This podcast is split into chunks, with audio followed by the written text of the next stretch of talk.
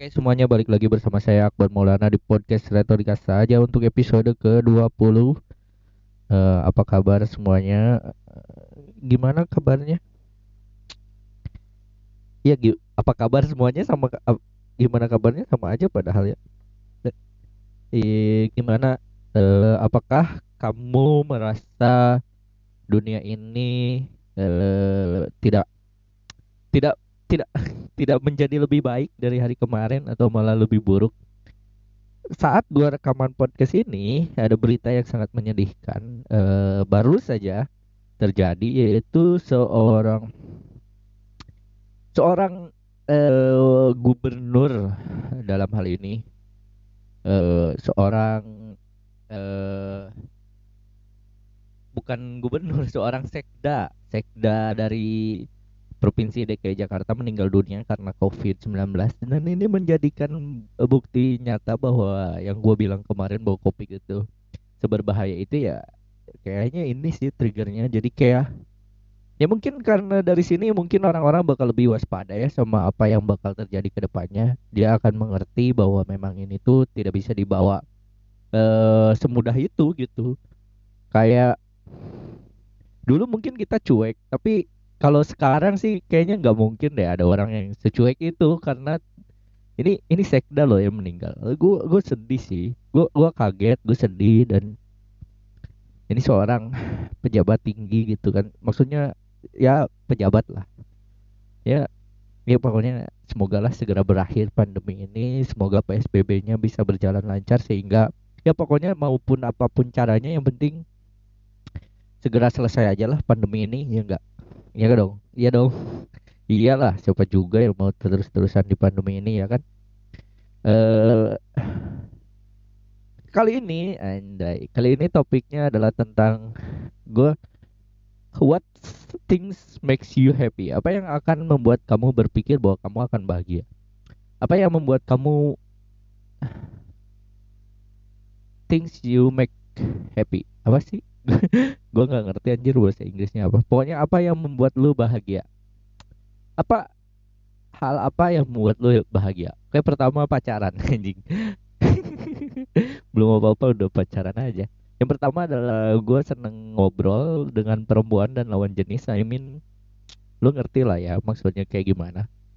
Eh gue merasa sebagai laki-laki yang normal gitu ya kayak gue gue mending gue berusaha untuk bisa mendapatkan teman perempuan gitu kan. Eh tapi tapi eh gue menyadari bahwa akhir-akhir ini bahwa ketika lu membutuhkan seorang perempuan maka lu bakal kecewa pada akhirnya. Maksud gue bukan karena bukan karena itu adalah sesuatu hal yang eh niscaya. Emang itu adalah sebuah niscaya tapi maksud gue itu adalah cu- itu juga adalah bagian dari hidup gitu bahwa eh, bahagia karena pasangan bisa juga karena pasangan kita bisa bersedih berduka. Itu mungkin yang membuat cinta atau perasaan suka itu menjadi lebih lebih men- eh, lebih lebih lebih lebih menyenangkan gitu daripada hidup sendiri. I mean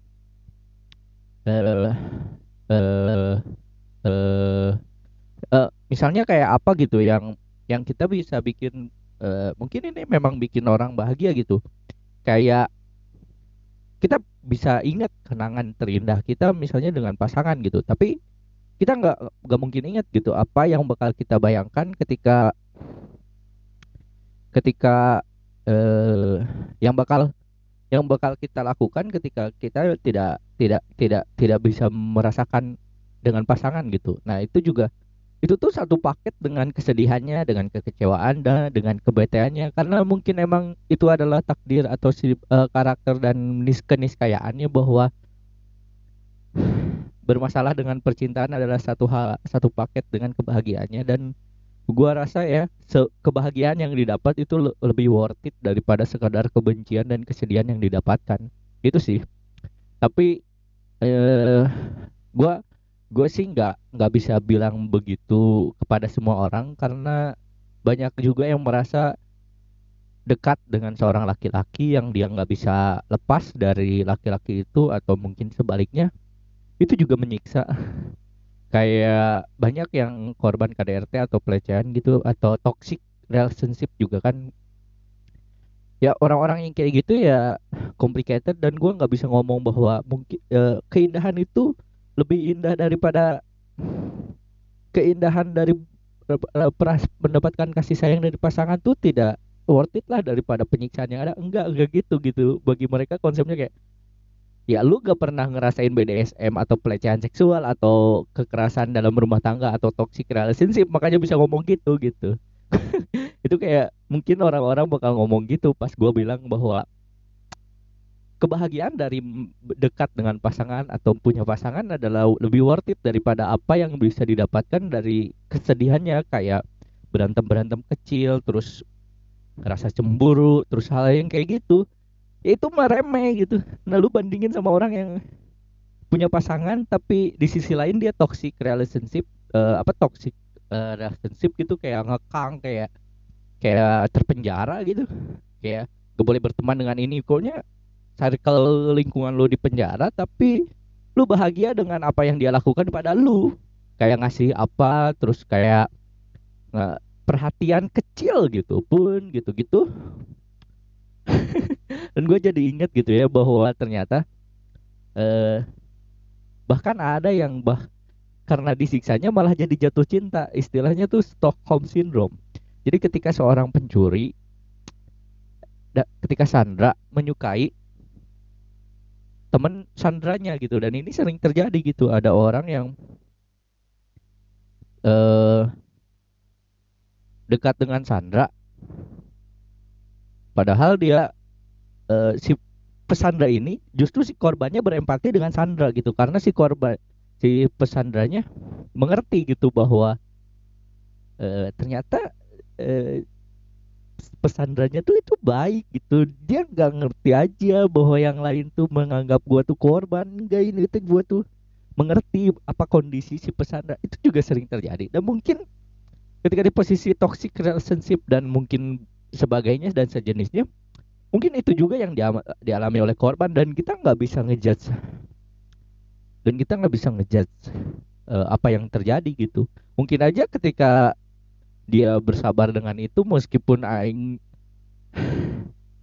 orang aing nggak nggak bisa kayak gitu ya mungkin emang harus harusnya terjadi kayak gitu mungkin emang itu adalah ujiannya untuk bisa mendapatkan kebahagiaan. Tapi kalau misalnya lu masalahnya cuman gak ada kabar seharian lu dan lu merasa itu lebih worth it penderitaan itu daripada kebahagiaan yang didapat lu tai sih karena lu nggak bisa ngomong gitu kalau penderitaan yang lu dapat adalah uh, misalnya uh, pengekangan atau mungkin kekerasan fisik gitu. Gitu loh maksud gue ya gak sih?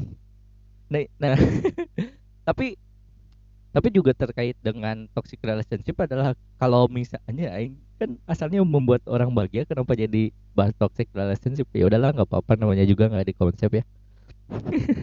Jadi gara ngomongin soal toxic relationship juga gue jadi ingat ada orang yang what what do you uh, apa ya, what do you do kalau what do you do kalau ada orang Eh, tetangga lu atau orang dekat lu atau pokoknya yang lu tahu di situ terjadi kekerasan seksual lu bakal ngapain? I mean itu adalah hak mereka gitu maksud gua eh itu kan itu kan hak mereka untuk melakukan itu gitu. Untuk untuk menjadi seperti itu gitu. Tapi apa sih yang di apa sih yang di pikiran si si si cowoknya gitu kalau uh, apa sih yang yang akan kita lakukan kalau itu terjadi maksud gua adalah ketika lu berada di posisi lu tahu ada kekerasan seksual lu akan melakukan apa? Lu misalnya laki-laki dan itu korbannya cewek.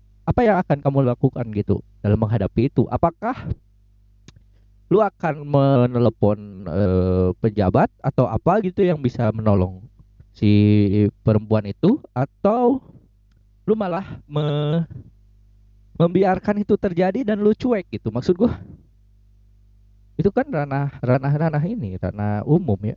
Uh, dan dan apa yang bakal kamu lakukan gitu kalau misalnya kejadian yang seperti yang tadi gua bayangkan gitu terjadi? Apa yang akan lu lakukan melaporkannya atau enggak gitu? Uh, karena uh, karena itu juga penting ya maksud gua uh, apa hal yang kayak gitu uh, sering terjadi antara itu domain domestik. Jadi itu kan kekerasan domestik ranah private gitu lu nggak bisa ikut campur atau lu misalnya lu peduli dan lu membela si korban itu kan itu kan hal yang hal yang bisa 50-50 gitu. Ya maksud gua lu nggak bisa lah kalau cuman ngomong kayak kayak ya ya maksud gua kayak tadi aja kayak hmm, kayak lu kebahagiaan itu kebahagiaan yang didapatkan dari bisa berpasangan itu lebih worth it daripada penderitaan yang ada. Ya tai sih lu kalau cuman penderitaan yang lo alami adalah rasa cemburu doang gitu. Ya ya ya ya yang sebanding lah. Tapi uh, balik lagi ya selain berpacaran what makes you happy? Apa yang membuat kita bahagia? Apa yang membuat saya bahagia? Kayaknya gue nggak tahu ya. Gue ada obses terhadap ternak uh, domba anjir. Lu lu bakal berpikir gue aneh sih abis ini. Kenapa? Karena gue gue merasa dididik untuk mencintai domba Garut sih. Waktu kecil gua nggak gue gue punya cerita tersendiri terhadap domba Garut. Karena gua dulu kalau waktu musim muda ya gue sering gitu ya jalan-jalan gitu ke pasar. Pasar tuh kan ada pasar hewan dan isinya domba-domba atau kambing-kambing atau ayam-ayam atau apa pun lah ya yang yang biasanya dijual gitu. Peternak ternak ternak gitu ya kan. Hewan ternak dijual. Nah, gue tuh dulu kalau dan juga di si di pasar tuh juga ada apa uh, tukang cukur. Nah,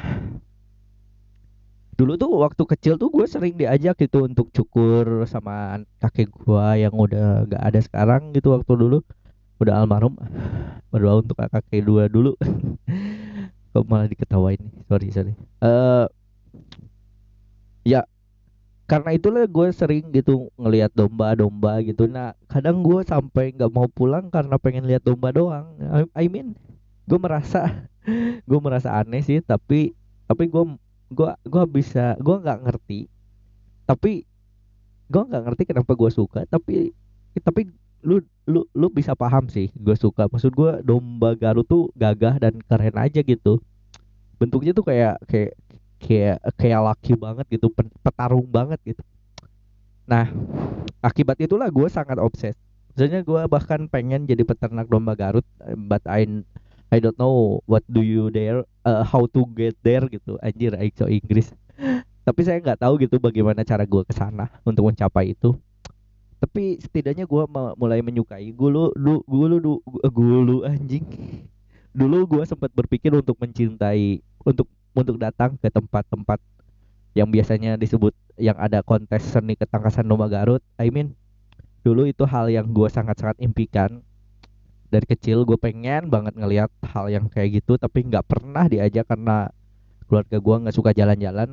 Terus gue sekarang udah udah lebih baik udah bisa mandiri udah bisa sendiri gue sangat-sangat menantikan itu. Jadi kadang tiap minggu gue gue pernah sekali nonton dan I was happy man. Sumpah gue bahagia banget gitu pas ngeliat pertandingan uh, seni ketangkasan domba Garut itu dan mereka yang sangat-sangat mencintai Sunda dan gue yang Sundanya tidak tidak tidak sekental itu meskipun gue lahir dan besar di Sunda dan tidak secinta itu gue sama budaya Sunda ya gue menyadari betapa kerennya itu waktu itu ya waktu pertandingan uh, ke tempat seni ketangkasan domba Garut itu. Dan dan uh, betapa bahagianya banget gue menyaksikan itu. Lu lu lu yang nggak ngerti betapa uh, lu yang nggak ngerti di mana kebahagia uh, bahagianya itu lu nggak akan ngerti sih. Sama lu yang nggak bisa mengerti apa yang lu sukai dari orang lain sih. Gue kayak nggak ngerti kenapa hewan tuh harus dikasih baju itu gue nggak ngerti. Tapi ya gue bisa paham gue bisa ngerti gue bisa mengerti lu kayak gitu. Tapi gue nggak gue nggak paham. Eh gue bisa paham tapi gue nggak ngerti kenapa lu kayak gitu gitu maksud gue ya sama dengan uh, seni ketangkasan adu domba Garut ini. Dan uh, dan ada sisi-sisi kengeriannya juga karena berbahaya kan. Meskipun aturannya sangat ketat ya jangan sampai menyakiti hewan. Maksudnya kecelakaan kecelakaan atau eh, luka-luka kecil yang mungkin masih bisa diobati oleh mereka-mereka dan gue gue merasa kasihan juga sama domba Garut yang diadu itu tapi gue seneng seneng seneng bukan seneng adu dombanya seneng bentuknya gitu. Seneng memandang domba Garutnya. Dan ketika gue datang ke tempat seni perte, uh, adu ketangkasan domba Garut itu gue bisa melihat banyak domba yang keren-keren yang gagah-gagah dan aus yo. Gue sangat bahagia banget gitu karena karena itu dan dan dan gue sangat sangat sangat sangat, sangat sedih gitu ya. Sangat kayak kayak kaget kayak shock gitu. Karena apa? Karena ada satu kejadian. Waktu ada pertandingan gitu si si si si pemiliknya si pemiliknya itu kayak memaksa si dombanya untuk terus melakukan adu domba. Padahal si si dombanya tuh udah nggak mau gitu. Udah kelihatan dia tuh ogah bertanding gitu. Udah udah males lah. Kayak kayak manusia aja udah males. Ya maksudnya gitulah udah nggak mau bertanding. Tapi karena dipaksa dan satu satu tenggaran uh, lu ngerti lah maksudnya. Wasit juga bisa tahu gitu mana yang berbahaya mana yang enggak ketika satu tenggaran yang mengakibatkan si kambing atau dombanya si dombanya oleng atau apa gitu ada masalah si wasitnya ngerti dan bisa minta diberhentikan meskipun uh, belum belum 20 menit gitu. Anjir aing ngebahas domba ya keren. Aduh domba kan urukan Hasan domba Garut. Ya. Eh uh, kayak kayak apa ya? Kayak satu jadi jadi gua jelasin dulu pertandingannya oke? Okay? pertandingannya adalah 20 kali tenggaran 15 kali tenggaran. Tenggaran tuh uh, apa? Adu adu pukul adu adu tenggaran. Anjir aing gimana ya? Mas ya ngerti lah yuk adu kena tanduk uh, tanduk sama tanduk uh, kena domba sama dombanya gitu beradu. Nah satu satu itu tuh dihitung satu. Jadi pokoknya sampai 20 kena kena tanduk gitu. Uh, 20 aduan. Nah itu bisa berhenti kalau ada beberapa hal seperti ke, uh, ketidaksiapan domba, ketidak ke ada hal dari domba yang bermasalah kayak apa pun gitu kayak lino atau apa kelihatan uh, tidak tidak atau tidak menarik. Dombanya tidak berminat untuk bertarung juga bisa berhenti. Terus juga dari 20 itu 15 tuh istirahat. Jadi 15 1 2 3 4 sampai 15 habis 15 dipelihara dulu maksudnya diurut dan sebagainya diperiksa apa yang kurang apa yang sebenarnya dibuat lebih rileks lagi si dombanya di disehatkan lagi oleh pemilik atau kalau istilahnya yang gua baru tuh adalah bobotoh yang ngebobotohin anjir. Aing lucu itu. Nah habis itu mulai lagi mulai lagi lima tenggara, tenggaran. Nah pada satu kejadian itu uh, udah kelihatan ogah lah si dombanya. Terus pas gua nggak gue nggak tahu tenggaran keberapa pokoknya cepat lah. Pas kayaknya 6 7 8 nih pokoknya pas adegan tenggaran itu si dombanya langsung kolaps. Dia nggak bisa bangun lagi I mean gua gua uh, gue langsung takut gitu kayak anjir ngeri banget ini ya kayak. Anjir, anjir sumpah sampai sampai kayak sekarat gitu. Anjir gue ngerinya ternyata shock gitu kaget. Oh ternyata bisa separah ini ya gitu. Terus gue tanya-tanya dan emang sering kejadian kayak gitu. Anjir ternyata seberbahaya itu. Gue pikir aman gitu. Aman itu tapi memang kalau kita tidak teliti kalau kita tidak apes kalau apes ya ya ya bakal kejadian kayak gitu. Akhirnya dipindahin digotong ke tempat uh, khusus terus di situ dilakukan apa pun ya dikasih napas dikasih bantuan pernapasan dikasih minum dipijit sampai dia bisa bangun lagi. Terus ada dokter hewan di situ meriksa kayaknya ini nggak bisa deh nggak bisa nggak bisa sehat lagi gitu kayak kayaknya dia udah rusak gitu udah sekarat gitu. Tadinya mau di di disembeli di situ tapi sama pemiliknya karena mungkin masih berduka dan bersedih karena jagoannya hilang jadi akhirnya dibawa ke tempatnya dan akhirnya mungkin disembeli di sana dan dimakan disatekan di sate di sana. Anjing. Se -se semengerikan itu ternyata di tengah sana Garut. Besoknya gue ngikutin lagi. Besoknya lagi gue ngikutin lagi. Dan akhirnya gara-gara pandemi gue berhenti mengikuti lagi. Ya gue gue sih sempet kangen pengen nonton lagi ya mudah-mudahan bisa lah. Kalau pandemi ini udah memungkinkan. Kalau waktunya udah mulai memungkinkan tidak takut oleh pandemi lagi. Terus apa lagi? What makes you happy? Anjir. Apa yang things pikirkan apa yang membuatmu bahagia? Apa ya? Selain itu selain pacaran dan uh, uh, domba Garut gue bahagia terhadap apa ya? Main game main game. Oke? Okay? gue gue seneng main game main game. Main game misteri gue suka. Gue seneng main game werewolf gitu. Kenapa? Karena seru aja gitu ngelihat orang ngomong ngelihat orang bohong berdebat gitu seru. Tapi gue nggak nggak se, se, se gue gue merasa nggak sejago itu untuk ikutan tapi gue penasaran. Dan game terbarunya Among Among Us. Seru tuh juga. Terus tapi gue se tuh senang uh, Mobile Legend. Gue gue gue seneng Mobile Legend. Gue nggak bisa lepas dari Mobile Legend. Ini karena diracun oleh mantan gue awalnya mantan gue main di HP gue tapi akhirnya gue yang main. Itu sih uh, kayaknya ntar deh main bahas gamenya mungkin dua dulu aja ya. Karena udah mau malam juga gue udah siaran berapa menit sih? Tadi 19 kayaknya. Sekarang oh ya cukup lah. Mungkin itu dulu ya untuk hari ini. Uh, selain main Mobile Legend gue ya pokoknya main Mobile Legend tiernya Mythic gue player solo. Gue gua nggak terlalu doyan sebetulnya main Mobile Legend gue cuman ke keracunan dan keracunan anjir kok gitu.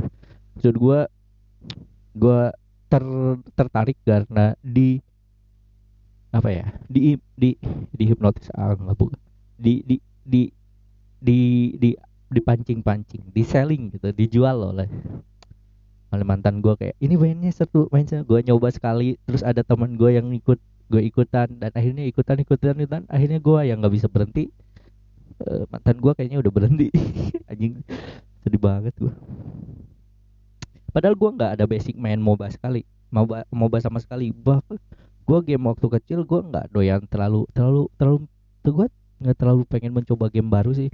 Ya kayak gue paling main game olahraga main tenis main bola main basket di olahraga di game gitu. Hal-hal yang gue nggak bisa lakuin di di dunia nyata gue pakai gue lakuin di dunia game gitu. Kayak main Dota eh main main main basket main bola gitu gitu tapi kalau main RPG RPG jarang meskipun ada beberapa yang gue suka. Tapi main MOBA tuh nggak pernah. Kayak Dota tuh nggak pernah. Dota 1 Dota 2 nggak pernah. Gue nggak pernah nyentuh Dota. Padahal teman-teman gue mungkin yang udah yang dari SMP udah pernah main Dota gitu. Terus kemudian gue nggak terlalu main game yang lain ya. Terus kemudian gue diajak juga main Mobile Legend ya karena mantan gue gitu. Gue nggak pernah pengen main. Tapi kemudian karena teman gue main dan gue merasa gue punya terus gue pengen main akhirnya gue main dan akhirnya tertarik dan nggak bisa berhenti sampai sekarang. Tapi tapi itu bukan bukan bukan kebahagiaan sih ya. Itu tuh kayak kayak kayak apa ya? Kayak kutukan men. Lu nggak bisa lepas. Tapi lu sebetulnya pengen lepas itu kayak kutukan. Kayak curve gitu. Anjir ayo bahasa Inggris. Iya, kayaknya main main game itu adalah kutukan buat gua. Karena karena gua nggak mau sih sebagai gamer gitu di nantinya. Tapi apalagi yang bisa gua lakukan selain main game itu sih masalahnya. Mungkin itu dulu ya untuk episode kali ini. Uh, besok kita bahas lagi. Terima kasih untuk semua yang mendengarkan. Jangan lupa tetap jaga kesehatan ya karena pandemi ini makin ganas stay healthy tetap pakai masker kalau ke mana-mana patuhi protokol kesehatan. Dan gue nggak yakin ini bakal ada yang dengerin jadi eh terserah lu gue Akbar Maulana ada